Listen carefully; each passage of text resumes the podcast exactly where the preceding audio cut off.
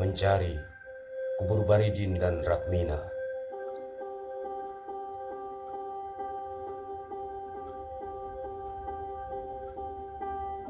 Kau masuki relungku. Kau daki gigir bukit di punggungku. Seperti memikul isi bumi dan isi langit.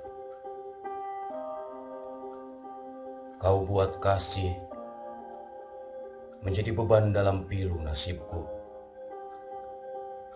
Tapi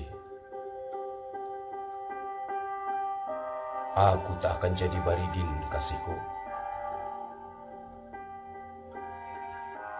Karena engkau juga bukan Ratmina.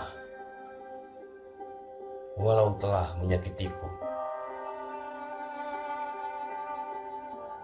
Engkau hanya dirimu Sebait mantra teluh, cahaya kilat yang menjejak dalam kelam penuh gemuruh. Meniupku, menipuku, mengikat nama di atas nama yang terlarang di lidahku. Sebab, bila aku paksa mengucapnya, sedih kembali tiba. Kenangan akan gelombang makin menyintap isi dada.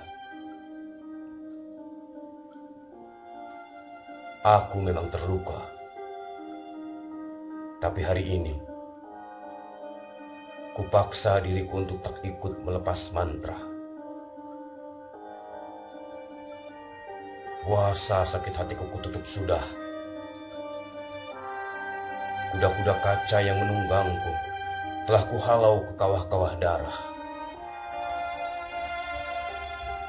Aku tak meninggalkanmu di situ. Karena bukan aku yang membawamu. Aku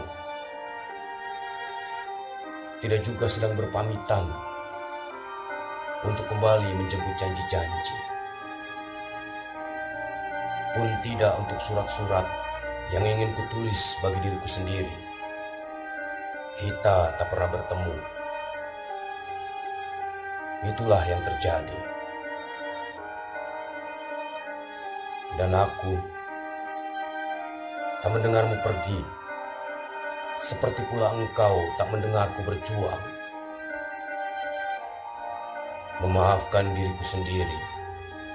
Atau saat susah payah aku ampuni arca-arca batu yang membisu jalan-jalan asmaraku yang tak suci. Hati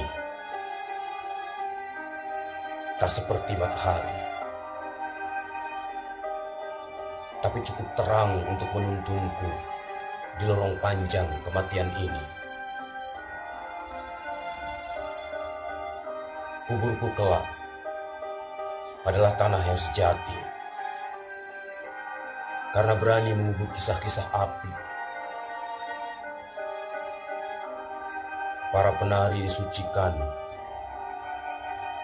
Kubah-kubah dibangun di sepanjang gelasan. Aroma kemenyan menebar harum.